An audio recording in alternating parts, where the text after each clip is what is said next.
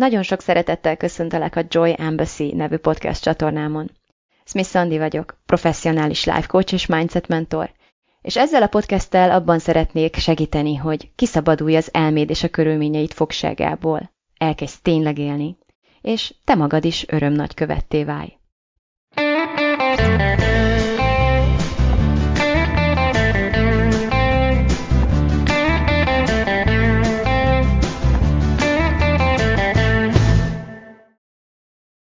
Hello, hello!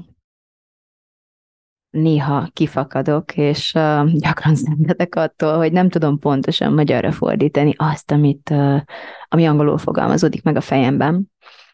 És hát ez a kétnyelvűség átka érdekes, amíg megpróbáltam fejleszteni az angol nyelvtudásomat, amikor Londonba költöztem, akkor az ellenkezőjétől szenvedtem természetesen ma mára már gyakran kerülök olyan helyzetbe, hogy, hogy tényleg van valami a fejemben, egy szó, egy kifejezés, aminek egyszerűen nem vagyok elégedett a magyar megfelelőjével. Uh, szóval, drága műfordítók, kérlek szépen segítsetek. Angolul azt a címet adtam volna ennek a podcastnek, hogy uh, On Being Needy.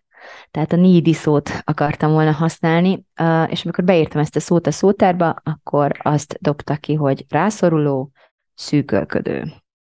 És ez oké, okay, meg mindig az is, majd látni fogjátok, hogyha bővebben kifejtem, hogy pontosan mit is, mit is akar fedni, vagy miről akar szólni ez a mai epizód, csak éppen uh, nem mutat olyan egyértelműen az érzelmi kiszolgáltatottság irányába, mint ahogy azt az angol kifejezést teszi, uh, és éppen azért angolul például, um, tehát hogy, hogy magyarul inkább a, a, az anyagi kiszolgáltatottságra utal ez, a anyagi nehézségekre utal ez, a, amit megkülönböztetésül angolul például úgy mondanának, hogy people in need.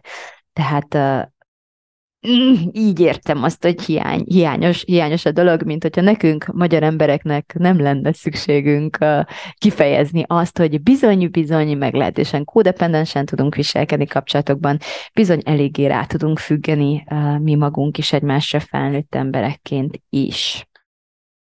Szóval hosszas bevezetőm után azt szeretném igazából kifejteni, hogy tulajdonképpen mit is jelent a needy, mit jelent needy-nek lenni egy kapcsolatban, rászorulónak lenni egy kapcsolatban, és hogy milyen hatásai vannak ennek mind a két félre nézve. A needy azt jelenti, hogy az érzelmi igényeim és szükségleteim kielégítését egy másik embertől várom. Ugyanakkor mindent megteszek annak érdekében, hogy ő ezeket az érzéseket megadja nekem valamilyen módon, és mégis, hogyha minden igyekezetem ellenére, vagy a másiknak minden igyekezetének ellenére ez a várthatás elmarad, akkor olyan, olyankor rendkívül frusztráltnak, szorongónak, tehetetlennek, vagy neheztelőnek érzem magam. Mondok egy példát, egyből egyértelmű lesz. Tehát tegyük fel, kapcsolatban élek, és magányosnak érzem magam ebben a kapcsolatban. Nem tudom, hogy van-e olyan hallgatóm, aki tud ezzel azonosulni, azt szoktam tapasztalni, hogy ez egy elég gyakori példa. Tehát úgy érzem, hogy a párom nem figyel rám, nem ad nekem elegendő szeretetet, figyelmet és gondoskodást. Azt szeretném, hogy ez megváltozzon. Szeretném, hogy változtasson a viselkedésén. Szeretném, hogyha munka közben gondolna rám, vagy jelét adná annak, hogy gondol rám, például küldene néha egy pár üzenetet, aztán szeretném azt, hogy a munka után siessen haza hozzám, hozzon virágot, de azt nem is annyira muszáj, de azért nem baj, ha hoz. Persze, de, de mindenképpen siessen, tehát ne az legyen, hogy még inkább magára vállal három feladatot, és utána a portással megy el inni, hogyha a kollégái mind elmentek, csak hogy, csak hogy ne kelljen egyből hazajönni, és azt tudja mondani, hogy muszáj volt a kollégákkal uh, szocializálni egy picit. Szóval azt szeretném, hogy hazajöjjön hozzám gyorsan, akarjon velem lenni, gondoljon rám, adja ennek jelét gyakran, Szeretném, hogy hétvégén meglepjen valamivel, persze valami olyannal, amire igazán vágyom, tehát semmiképp se azt érezzem a gesztusból, a meglepetésből, hogy forma egyre visz, mert azt amúgy is szeretné, hanem, hanem hogy tényleg meghallotta egy korábbi vágyamat, vagy ami még jobb, kitalálta a legtitkosabb vágyamat, ezt mi nők nagyon szeretjük um, elvárni tulajdonképpen a párunktól, hogy de ne kelljen már mondani, mert akkor az úgy már nem is jó, hanem hogy találja ki, természetesen legyen gondolatolvasó. Na hát ilyeneket, ilyeneket szeretnék valahogyan elérni, de hát telnek a napok, a hónapok, az évek, és a férj nem ír üzenetet, hogy már megint rám gondolt, vagy a párom mm, egyre később jön haza, már, már egyedül is elmegy, nem kell a portás se hozzá, és hát, hogy így hétvégén, nem tudom, délig alszik, aztán meg meccset néz egész nap, nem lehet kirobbantani a házból, vagy a képernyő elől. Hát, mit tehetek én, mit tehetek én? Elég, elég szar helyzet, lássuk be, de elég gyakori helyzet, azt is, azt is tegyük mellé, úgyhogy mindenképpen érdemes ezzel a témával foglalkozni. Hát, hogy mit teszek én, az nagyon-nagyon nagy mértékben függ az én személyiségemtől, a habitusomtól, és a, hát a mintáktól, amiket követek, meg amiket így belém kondicionált a, a neveltetésem, az eddigi kis személyes történetem. Előfordulhat az, hogy hogy um, csendben tűrök és szenvedek, és türelmesen várok egy ideig, aztán így már egy türelmetlenül várok, de hogy így mégis csendesen és ilyen passzív-agresszíven teszem ezt, egyszerre reménykedem, hogy most megint hétvége jön, vagy most, most akkor hátra haza idejében, de közben meg már reménykedés közben sem akarok reménykedni, mert tudom, milyen fájdalmas a csalódás, amikor aztán nem történik meg, aztán egyre kiábrándultabb vagyok, már is reménykedem, akkor már elkezdek, tehát ilyen megkeseredetté válok, mindig ilyen fancsali képpel várom haza, lehet, hogy beszólogatok, lehet, hogy csak ilyen passzív-agresszív vagyok végig, és természetesen ettől azt tapasztalom, hogy a párom csak még jobban elkezd kerülni ettől. És lehet, hogyha nagyon őszinte akarok lenni magammal egy, egy ilyen spirálban, valamikor nagyon sok év elteltével, akkor még sajnos azt is be kell ismernem, hogy meg is értem tulajdonképpen. Tehát, hogy szívem szerint én is elmenekülnék önmagamtól, mert hogy annyira annyira megkeseredtem ebben, és annyira örömtelen vagyok, és annyira, annyira nem tudom szeretni magamat ebben a helyzetben már olyan nagyon régóta hogy, hogy ilyenkor azért be tudjuk azt látni, hogy ez valóban nem feltétlenül az a légkör, ahova az ember hatalmas rózsacsokrokkal alig várja, hogy hazamehessen egy párasztó munkanap után. No, aztán az is lehet, hogy így ráakaszkodom a páromra. Hát annyira magányos vagyok, hogy így nem tudom, mindig hívogatom, üzeneteket küldözgetek neki, ha nem válaszol, akkor, akkor számunk kérem, vagy a kollégáit kezdem el hívogatni, hogy adják át neki a telefont, Uh, aztán én szervezem meg a meglepetés bulikat és meglepetés programokat, uh, úgyhogy vele nem is egyeztettem, kevés eséllyel olyan módon, hogy kitaláljam a legtitkosabb kívánságait is, inkább a saját kis uh, romantikus fantáziáimat próbálva kielégíteni, amiknek ő nem biztos, hogy, tehát, hogy nem biztos, hogy annyira örül, vagy nem biztos, hogy pont ebben a formában akarná um, emelni az együttléteink színvonalát, ahogyan én ezt elképzelem és hogy ez egy kicsit ilyen, tehát ilyen nyomulós, erőszakos energia lesz, és uh, üldözni kezdem szó szerint szerencsétlen másik felet, uh, amitől ő értemszerűen így fuldokolni kezd, meg ó, vissza, visszatart, és, és, és teret, teret kér közénk, és az is előfordult, hogy még jobban elkezd menekülni. Aztán van az a stratégia, hogy, hogy ilyen célozgatok, beszólogatok, ez is egy kicsit ilyen passzív-agresszív, ez simán lehet a csendben tűrésnek a folyamánya is.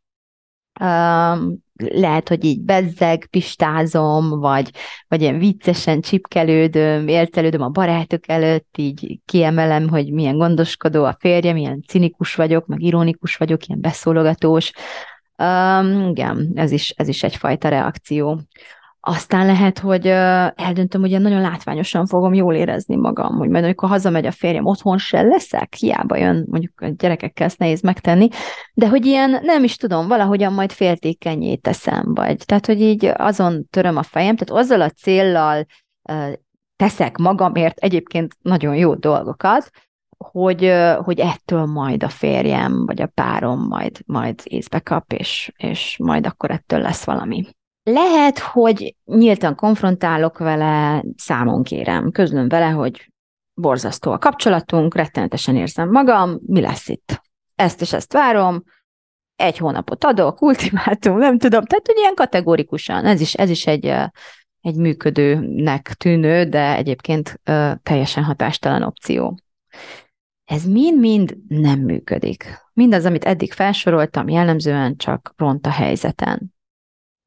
Ez az összes praktika még, még inkább távol maradása készteti a másik felet, én magányos vagyok, én kapcsolódásra vágynék, és pont a szöges ellenkezőjét érem el. És a legdurvább az, hogy uh, ilyenkor mondjuk beiratkozom egy ilyen hogyan szelidítsünk pasi típusú tanfolyamra, ahol uh, megtanulom az összes praktikát és bűbájt és kommunikációs trükköt, és megtanulom az én közlést, és az erőszakmentes kommunikációt, és mindenféle egyéb Itt most meg szeretnék állni egy pillanatra, amúgy nagyon-nagyon jó eszközöket, tehát nem a, nem a kommunikációs eszközök ellen szeretnék itt felszólalni, vagy a módszerek, a módszertanok és a, a, a, ezeknek a tanítói ellen szeretnék itt most beszélni, mert a kommunikációnak a minősége, az időzítése és a módja az, az valóban kulcsfontosságú uh, dolog egy, egy, egy kapcsolat működésében, és ez egy, egy fejleszthető, sőt fejlesztendő készség mindenképpen érdemes um, törekednünk arra, hogy a kommunikációnk megfelelő legyen, és mindenféle lehetséges uh, um, módszertannal megismerkedni ehhez, vagy gyakorlatot elvégezni ehhez. De azt akarom itt inkább mondani, hogy ez mégis mindaddig teljesen hatástalan marad, amíg mögötte ezt a needy energiát alkalmazzuk, amíg ennek az egésznek a, az érzelmi töltete ebből a rácsüggött, ráfüggött uh, uh, needy energiából fakad. Mert uh, mert akkor bármilyen szép szavakat is mondok, bármennyire is tökéletesen a, az adott metódus elveit követve, ugyanúgy nem lesz ez egyéb, mint az összes többi fennem felsorolt eszköz, csak egy újabb próbálkozás a másik fél érzelmi manipulációjára. Annak érdekében, hogy elérjük azt, hogy a másik változtasson valamin, uh, valami olyasmin, amin ő szemlátomást magától nem akar. Hát még egyszer, mi a manipuláció? A manipuláció az, amikor valahogyan el szeretném érni azt, hogy a másik érezzen valamit, aminek a hatására valamilyen számomra elvárt módon cselekszik, és teszem mindezt azért, mert azt hiszem, hogy ha az elvárt viselkedés megvalósul, akkor én attól majd jobban fogom érezni magam. Ha pedig nem valósul meg, akkor attól ugyanilyen rosszul, vagy még rosszabbul fogom érezni magam. Lerövidíthetném ezt úgy is, hogy a manipuláció az, amikor el szeretném érni azt, hogy a, a másik valamit csináljon, tehát hogy változtasson a viselkedésén. De én azt gondolom, és úgy érzem, hogy ez hiányos lenne. Mert ez olyan, mint amikor a gyerekre rászólunk, hogy oh, kérje bocsánatot a testvérettől, az meg így, nem tudom, a tiétek szokott a csend, de bocsánat, ilyen gúnyosan így oda mondja, hát ettől nem lesz jobb senkinek, és ezt mindenki tudja, amikor ez, ez megtörténik, vagy elhangzik hogy, hogy nem a gesztust várjuk valójában, hanem azt, hogy a gesztus mögött legyen egy, egy őszinte, valóban megélt érzés, egy, egy, egy, egy valódi megbánás. Csak hát kiderül az, hogy nincs az a fenyegetés, nincs az a felkínált jutalom, nincs az a zsarolás, amivel ezt ki lehetne csikarni, még egy, gyerekből sem, hát még egy felnőtt emberből, hogyha közben ez a másik emberi lény önálló tudattal rendelkező emberi lény nem gondolja őszintén úgy, hogy ő itt bocsánatkéréssel tartozna. Mi a baj a manipulációval? Hát rengeteg minden, hogyha engem kérdezel, de leginkább az, hogy teljesen hatástalan, vagy ez nem igaz, tehát van hatása, csak nagyon más milyen hatást érünk el vele, mint amilyen szeretnénk. És még hogyha rövid távon működni látszik is, hosszú távon nagyon-nagyon súlyos árat fizetünk ezért minden egyes alkalommal. Teljesen elvágjuk az esélyt annak, hogy, hogy valódi kapcsolódás és intimitás jöhessen létre közöttünk és a partnerünk között, mert az egész kapcsolatot egy nagy, ilyen egófűtötte játszma fogja vezérelni. Én mindig úgy fogom érezni magam, mint aki kiszolgáltatott, mint akinek az érzelmei szükségletei nincsenek kielégítve, és, és, és teljesen hatástalan lennék, tehát hogy, hogy, hogy ez nem az én kontrollom lenne, ez nem az én hatásköröm lenne, hogy ezt kielégítsem. Tehát mindig azt, érez, azt fogom érezni, hogy valaki nagyon nem látja el a feladatát, és erre a valakire nagyon neheztelően fogok tekinteni. míg a másik fél pedig mindvégig úgy fogja érezni magát, mint aki nem jól végzi a feladatát, hiszen ezt éreztetem vele, mint aki inkompetens, alkalmatlan arra, hogy engem boldoggá tegyen, és mint aki pontosan ezért, tehát hogy nem elég jó, nem, nem fogja tudni megélni azt, hogy én egy, nem tudom, egy potens, egy, egy, egy, egy akart személy vagyok, egy, egy, tehát hogy ő se fogja szeretve érezni magát ebben az egész próbálkozásban. És lehet, hogy próbálkozni fog az elején, de akár próbálkozik, akár nem, egyre rémesebben fogja érezni magát ebben a folyamatban, felénk, velünk szemben, a mi irányunkban, és, és ezért akár tudatosan, akár ösztönösen, de kerülni kezd. És ha meg is tesz értünk dolgokat, egy idő után már ő sem fogja tudni azt, hogy ő ezt most valóban szívből teszi-e, vagy csak a kedvünkért, vagy azért, hogy így, tehát hogy ne, ne kapjon érzelmi büntetést ezért, bármilyen formában is. És, és mi sem fogjuk soha tudni azt úgy igazán, hogy akkor ez most, ez a cselekedet most valóban szívből jött-e, vagy lehet, hogy a kedves gesztusok mögött egyre nagyobb feszültség és egyre ellentétesebb érzések vannak valójában. És az igazság az, hogy pokoli nehéz úgy szeretni valakit, hogy önmagunkat ebben a kapcsolódásban egyre jobban megutáljuk. Márpedig, hogyha a másik folyamatos elvárásokat támaszt velünk szemben, amelyeknek mi vagy nem tudunk, vagy nem akarunk megfelelni, és azt hiszük, hogy ezzel folyamatosan bántjuk őt, akkor minimum inkompetensnek fogjuk érezni magunkat, de az is teljesen valid ilyenkor, hogy, hogy bűntudatunk támad, hogy állandóan ilyen kevésnek érezzük magunkat ebben a helyzetben. És ezek az érzések, ez a bűntudat, ez az elégtelenség, ez, ez rátelepszik az életünkre, ez befolyásolni fog minket a döntéseinkben. És természetesen a tudatossági szinttől függ az, hogy milyen mértékig.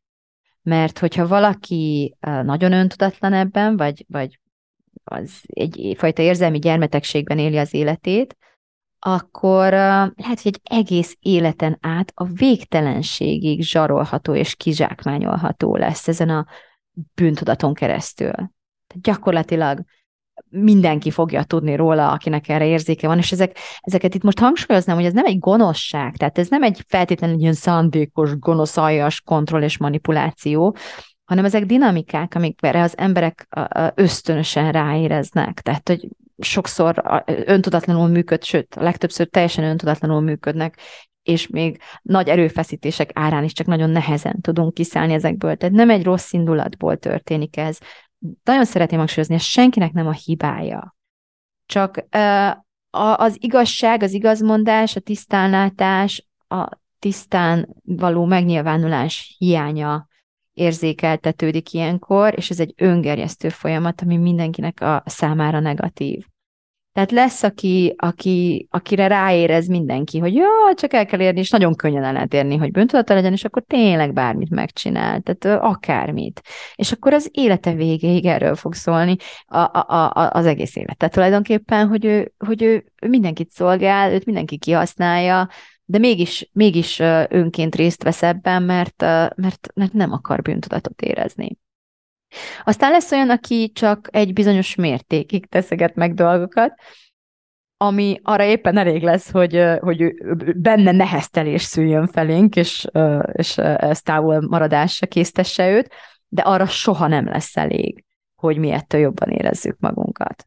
És aztán vannak olyanok, akik nagyon tudatosak, akik nem tudom, megtan- tehát értik, átlátják azt, hogy mi történik itt, és, és nem akarnak felülni erre a játszma hullámra, de ők is folyamatosan úgy fogják érezni majd magukat, hogy, hogy egyszerűen nem tudják önmagukat képviselni, anélkül, hogy, hogy minket bántanának ezzel. Mint hogyha állandóan, tehát hogy az, a, az az érzés, mint hogyha állandóan választanom kellene önmagam és a másik között a kapcsolatban. És ez még akkor is rettenetes érzés, hogyha ha tudom, hogy, hogy ez egy játszma, tudom, hogy ez egy manipuláció, tudom, hogy, hogy mondjuk irreális elvárásokat támasztanak felém, vagy tudom azt, hogy nem lenne semmivel sem jobb az életünk senkinek, hogyha én, én akaratom, vágyam, saját, saját elveim, értékrendem ellenére is kielégíteném, vagy, vagy megtenném ezeket a cselekedeteket, hogy tudom azt, hogy ez nem lenne senkinek sem jó, de mégis úgy érzem, hogy az, hogy a, a, a helyes cselekedet ebben a helyzetben a másikat érzelmileg bántaná. És ez nagyon-nagyon rossz érzés. És eléggé padhelyzetet teremt egy kapcsolatban, még akkor is, hogyha egyébként a felek teljesen őszinte és mély érzésekkel is kötődnek egymáshoz a sok réteg játszma alatt. És miközben valójában a lelkünk mélyén, a lelkünk legmélyén nem, nem hisszük el, hogy, hogy ennek így kellene működnie, és a lelkünk mélyén azt sem hisszük el, hogy az lenne a megoldás, hogy, hogy, hogy azt jelenteni a szeretetet, hogy a másik kedvéért folyamatosan megtagadom magam, korlátozom magam, szabályozom magam, vagy egy csomó olyan dolgot csinálok, amit egyébként nem akarok megtenni. És a másik oldalról sem hisszük azt el igazán, hogy olyan áron is kell, hogy felhívjon meg, SMS-t írjon meg, nem tudom, mit csináljon, hogy, hogy ő közben nem, nem akarja ezt megtenni, ő közben fókuszálni akar, vagy neki egészen más uh, érzései, vagy gondolatai, vagy dolga lenne abban a helyzetben, és, és ez a csak, csak hogy örülj, pasz meg, ezért, ezért, ezért nem szeretnénk magát a gesztust, ez ugyanaz lenne, mint a kérj bocsánatot a testvérettől. Tehát a lelkünk mélyén tudjuk ezt. És a lelkünk legmélyének igaza van, mert ez az egész nídi érzés, és manipulációs modell, ami az egészet működteti, egy óriás és hatalmas tévedése épül, amit jellemzően mind a két féle elhisz valamilyen mértékig. Arra ugyanis, hogy az érzéseimet a másik ember okozza. Na most, hogyha követsz egy ideje, akkor valószínűleg már számtalanszor hallottad tőlem azt az általam használt, gyakran, gyakran ismételgetett mondatot, hiszen ez, ez az alapja annak a modellnek, amivel dolgozom, hogy a körülmény nem okoz érzéseket. A körülmény mindig semleges. Az érzéseinket a gondolataink okozzák. Na most, hogyha új vagy, és most hallod ezeket a dolgokat először, akkor ez az információ felérhet egy arconcsapással, lehet, hogy most akarod kikapcsolni ezt a podcastet, lehet, hogy ilyen nagy elutasítást, vagy ilyen öá, megökkenést váltesz ki belőled. Um, mégis arra kérlek, hogy adj egy, adj egy esélyt. Maradj, maradj még egy picit velem, mert ez a felszabadító igazság. És nem mellesleg ez az egyetlen út, hogy kimásszunk az érzelmi függőségből, és hogy ne a másikon csimpaszkodjunk vámpírként egy kis érzelmi töltődésért. Vagy hogy nem mi legyünk azok, akiken mások vámpírként csimpaszkodnak a saját érzelmeik kielégítésére. Amint ezt a részt meghallgattad, azt javasolnám, hogy uh, hallgassd vissza a 12. részt, aminek az volt a címe, hogy a körülmény mindig semleges, vagy pedig, vagy nem vagy, hanem és, emellett a 64. részt is, aminek az a címe, hogy a gondolat okozza az érzést, ez most áldás vagy átok. Uh, ezek, ezekkel így sikerülni fog szerintem felzárkoznod oda, ahol a tapasztaltabb hallgatók vagy a, vagy a mentorágyaim is vannak.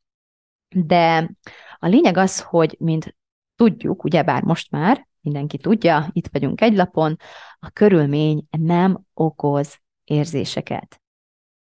Márpedig, drágáim, a másik ember a mi életünkben mindig körülményként jelentkezik. Az egész csomaggal együtt, amit hoz magával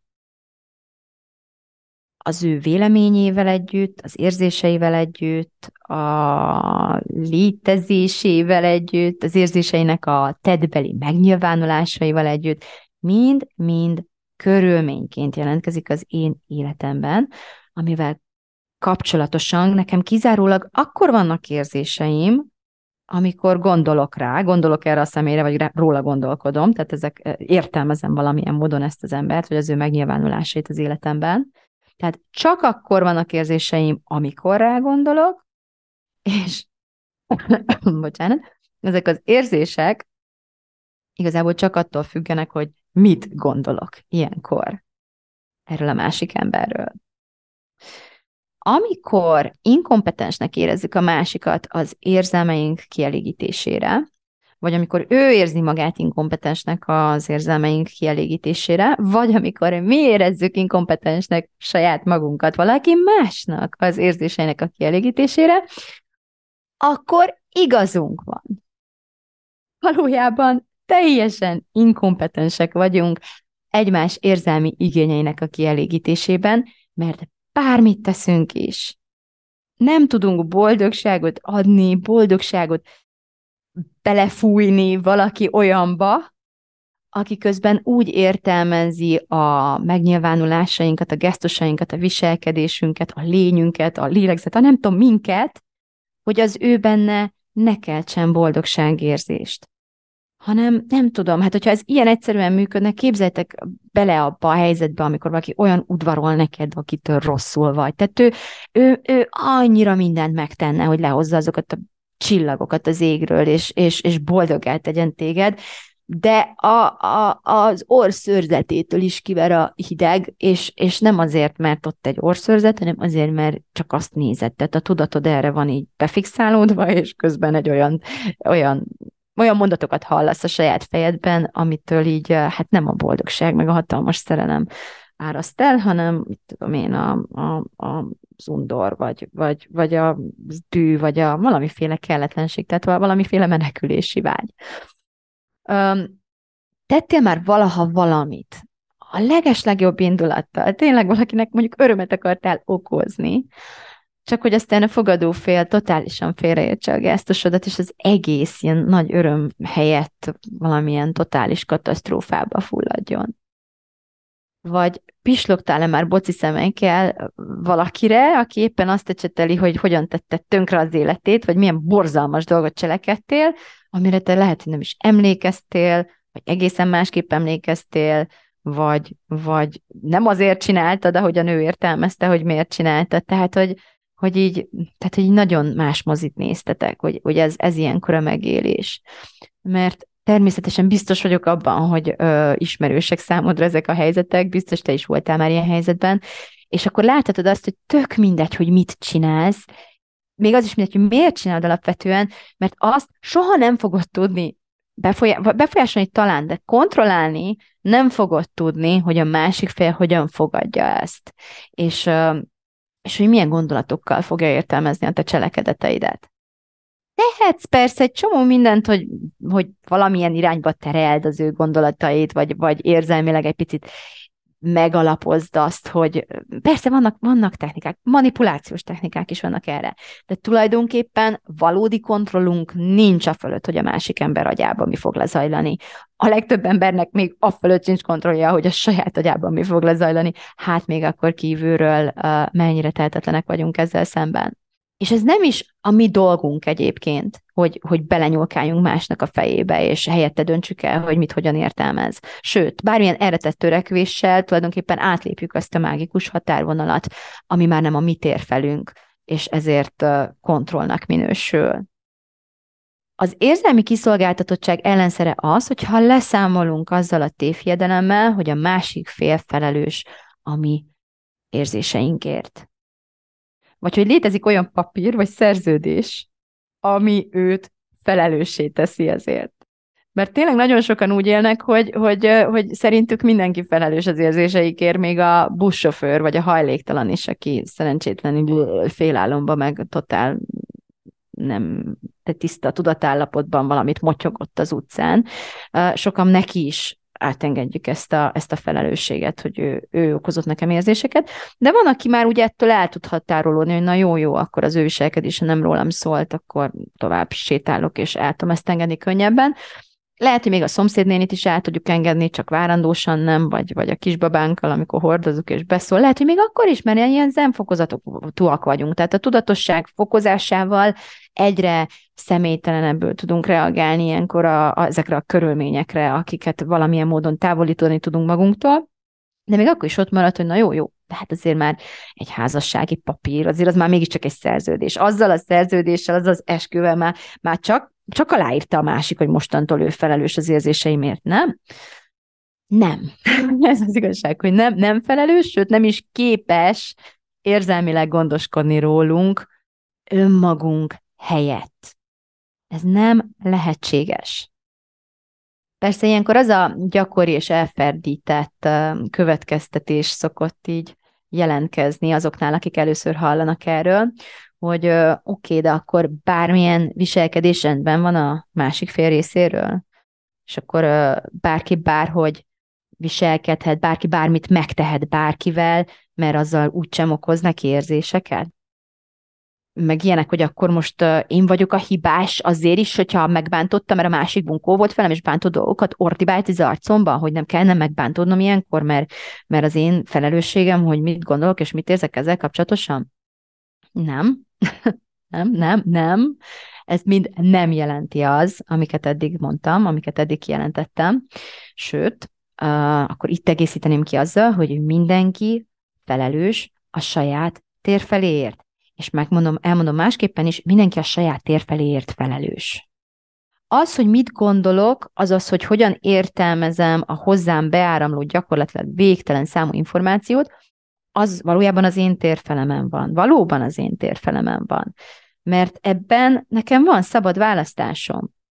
Ennek a, a podcastnek a hallgatói már értesültek erről, aki pedig még nem, vagy most hallja először, az, az eddig, te, vagy addig, amíg erről nem értesülünk, teljesen az érzelmi kiszolgáltatottság állapotában csapong odakint. És higgyétek el, hogy minden pillanatban rettenetesen szenvedettől. Hogyha nem tudod azt, hogy választhatsz attitűdöt, hogyha nem tudsz arról, hogy neked van választási lehetőséged, akkor nem is fogsz élni vele. Soha. És ha nem tudod, hogy választhatsz a gondolatait közül, akkor számodra nincs felkínálva ez a lehetőség.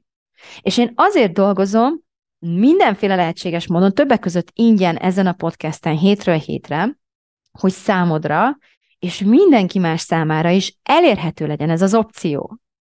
És te rengeteget tudsz nekem segíteni ebben azzal, hogy továbbadod ezeket az információkat, hogy megérted, hogy applikálod, hogy elkezded alkalmazni, hogy magadon a saját példádon keresztül tanítod másoknak, vagy simán csak megosztod a podcastemet, és mesélsz róla a barátaidnak, vagy az ismerőseidnek. Mert itt kezdődik minden. Azt, hogy milyen körülményeket dob felém a sors, azt nem, azt nem tudom megválogatni, vagy nem tudom maradéktalanul megválogatni.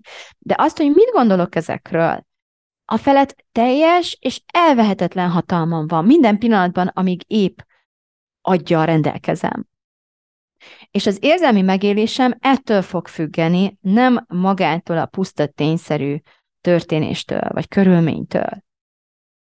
És akkor ott van a cselekedet is. Természetesen a felnőttek világában mindenki a saját tettéért felelős. Ezt senki nem vitatja el.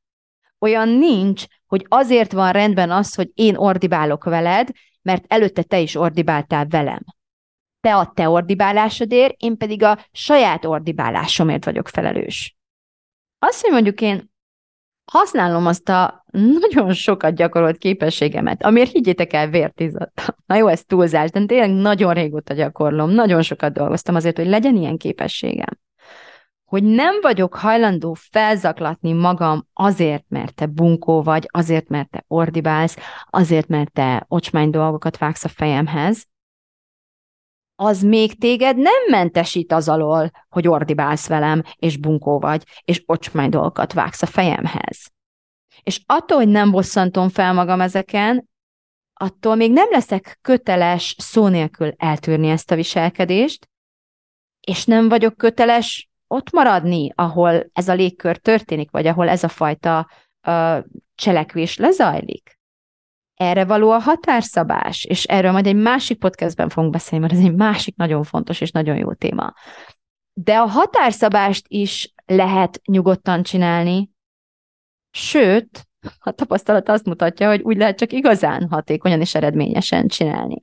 Szóval még egyszer a másik fél érzéséért ugyan nem vagyunk felelősek, de a saját viselkedésünkért igen, és nagyon nehéz úgy felelősséget vállalni a saját viselkedésemért, ha a saját érzéseimért meg közben nem tudok felelősséget, vagy azt hiszem, hogy nem tudok felelősséget vállalni, mert az érzés triggereli a cselekvést. az érzéseink hatására cselekszünk. Így, így van kitalálva az emberi agy és az emberi működés. Hogyha nem hinném azt, hogy a másik kell tegyen valamit azért, hogy én jobban érezzem magam, mert tudnám azt, hogy kizárólag a gondolataimon múlik az, hogy én hogyan érzem magam, akkor nem szorulnék arra, hogy valahogy elérjem azt, hogy a másik valamilyen általam el, elvárt módon cselekedjen. És ettől még persze remélhetem, hogy úgy fog cselekedni, meg, meg ha megtörténik, akkor jól eshet, meg fogadhatom, meg megköszönhetem, meg kérhetem is, sőt, akár el is várhatom. Azt várok el, amit csak akarok. Viszont amikor nem teljesül, akkor nagyon nem mindegy, hogy mit fogok gondolni arról, hogy nem teljesült. Azt fogom meg gondolni, hogy picsába, nála van valami, ami, ami nélkül én elpusztulok, meghalok, és nála van a jó Isten áldja meg, és nem akarja sehogy se ideadni nekem, és ha a fejem tetejére állok, se tudom elérni, hogy ideadja nekem, és itt fogok megdögleni, enélkül pedig nekem ez kell, mint a drog kb, mert én, ez egy érzelmi szükséglet, az érzelmi szükségletek így működnek. Vagy azt fogom gondolni, hogy Hát, jó esett volna, ha ide adja, meg egyszerűbb lenne az élet, meg tök jó volna most, hogy simán megtesz, és akkor érezhetném magam akár jól is, és tök jó volna. De hát nem adja ide, hát nem adja ide, hát veszett több is mohásnál, nincs vége a világnak, szerencsére tudok magamról is gondoskodni érzelmi értelemben, és tiszta szerencs, hogy nem szorulok erre a másik emberre, aki nem tud, vagy nem akar nekem segíteni ebben, hanem más módokon is elérhetem azt, hogy az érzelmi szükségletem ne elfolytódjon, és ne maradjon kielégületlenül, hanem igenis kielégüljön. Ez az az attitűd, ami elkezdi megszüntetni a toxikus függést és az ezzel járó manipulációs törekvéseket.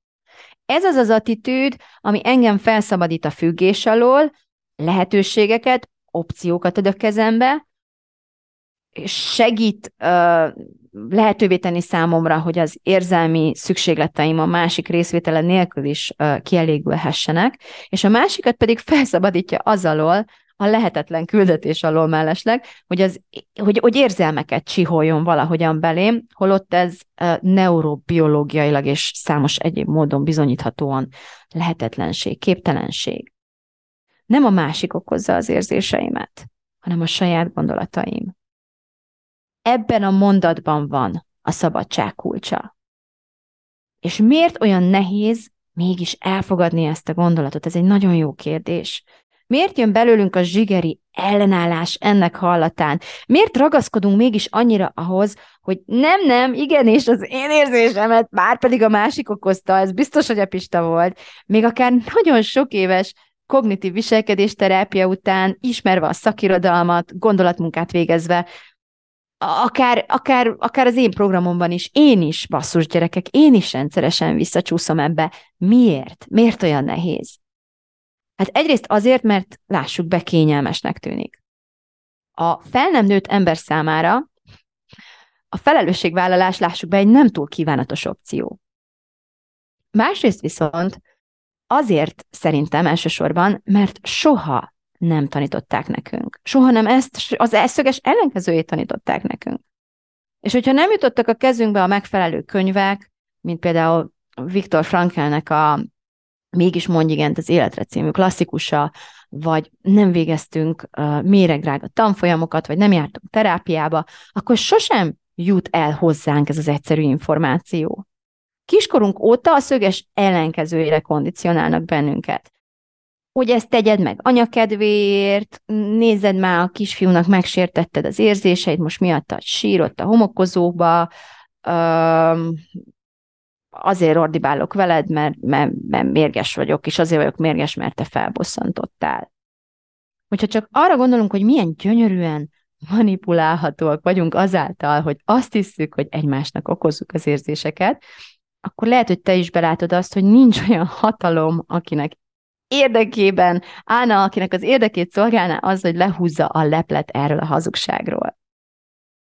Természetesen tovább akarnak minket manipulálni, mert azt hiszik, hogy a kontroll és a manipuláció az jó dolog, mert, mert ez a hatalom eszköze. De nem az, nem jó dolog. Emberi kapcsolatokban, saját magunkkal való kapcsolatban nem jó a kontroll, nem jó a hatalom, nem jó a manipuláció. Teljesen elválaszt önmagadtól a valódi tiszta érzéseitől, az intenciótól, a vágyaitól, az igazságottól. teljesen elválaszt a másik embertől. Játszmává silányítja a legszebb szavakat, a legszebb gesztusokat is. Sosem tudhatod, hogy őszintén jön-e. Teljes rabságot, szolgaságot, kizsákmányolást, mártírkodást okoz, akár egy életen át, egy, egy teljesen közösen lehélt életen át segíts leszámolni a manipulációval, azáltal, hogy felismered a saját needy, érzelmi, másokra csimpaszkodásodat, és ennek a manipulatív megnyilvánulásait. Ismert fel, amikor a másiktól várod az érzelmi kielégülést. Ismert fel, hogy milyen érzelmi szükségleted akar kielégülni a másikon keresztül. Ismert fel azt, hogy az érzelmi szükségletet kielégítése nagyon fontos. Tehát nem, nem elnyomandó, egyáltalán nem arról van itt szó, hogy mondj le róla, sőt, borzasztóan fontos. De elsősorban a te feladatod.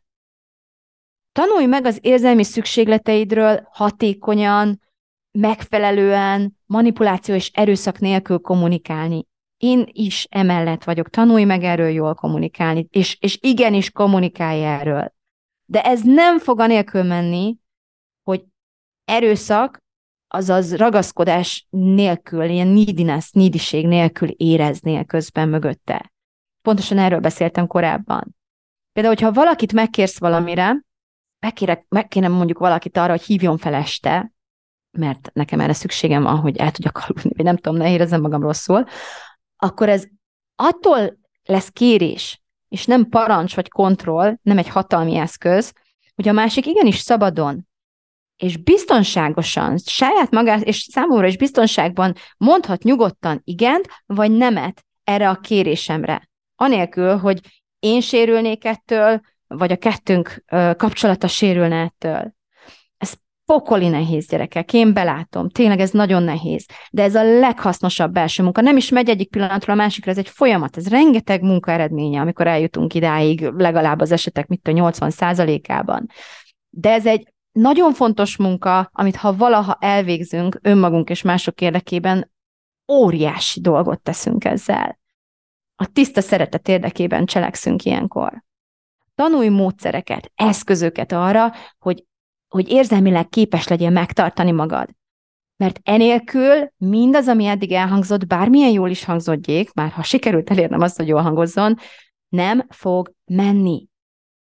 Ha úgy érzed, hogy ennek, hogy már vannak eszközeid erre, vagy, vagy vannak tanítók, hiteles tanítók, akiket követhetsz ezen az úton, vagy neked elég ez a podcast is ahhoz, hogy gyakorolj, akkor én, én ennek nagyon örülök. Pont ezért csinálom ezt a podcastet, hogy, hogy ne legyen feltétlenül a, fizetőképes közönség kiváltsága, az, hogy hozzájusson ezekhez az információkhoz. De természetesen nekem is, és neked is vannak vakfoltjaink, ne, ne tagadjuk le ennek a létezését, és egészen másképp fogsz haladni, hogyha például belépsz velem a Kitalálom, Megcsinálom programomba, mert ott ezt az egészet egy célirányosan felépített rendszerben irányított módon tudod elsajátítani és begyakorolni. Minden intimitás az önmagunkkal való intimitással kezdődik. De az intimitás alapja az, hogy biztonságban érezzük magunkat. Ezért, hogyha nem tudjuk a saját magunkban megteremteni a biztonság érzését, akkor nem leszünk képesek valódi intimitásra. Vagy ha mégis, akkor az pillanatokig fog tartani, olyan módon, hogy valaki más arra pár pillanatra el tudja ezt érni, tud minket segíteni abban, hogy gondolatilag és az idegrendszerünket megfelelő módon szabályozva át tudjuk élni ezt a biztonságérzetet. De ez szinte még nagyobb kiszolgáltatottságot okoz, mert abban a pillanatban, hogy ez az ember elveszi alólunk a, a megtartó karjait, óriási nagyot fogunk pofára esni, és még sokkal jobban fog fájni, mint hogyha nem lett volna előtte meg az a tapasztalásunk, hogy milyen az, amikor megtartott valaki. Önmagad megtartása, önmagad érzelmi megtartása tanulható. És az önmagaddal való intimitás kialakítható.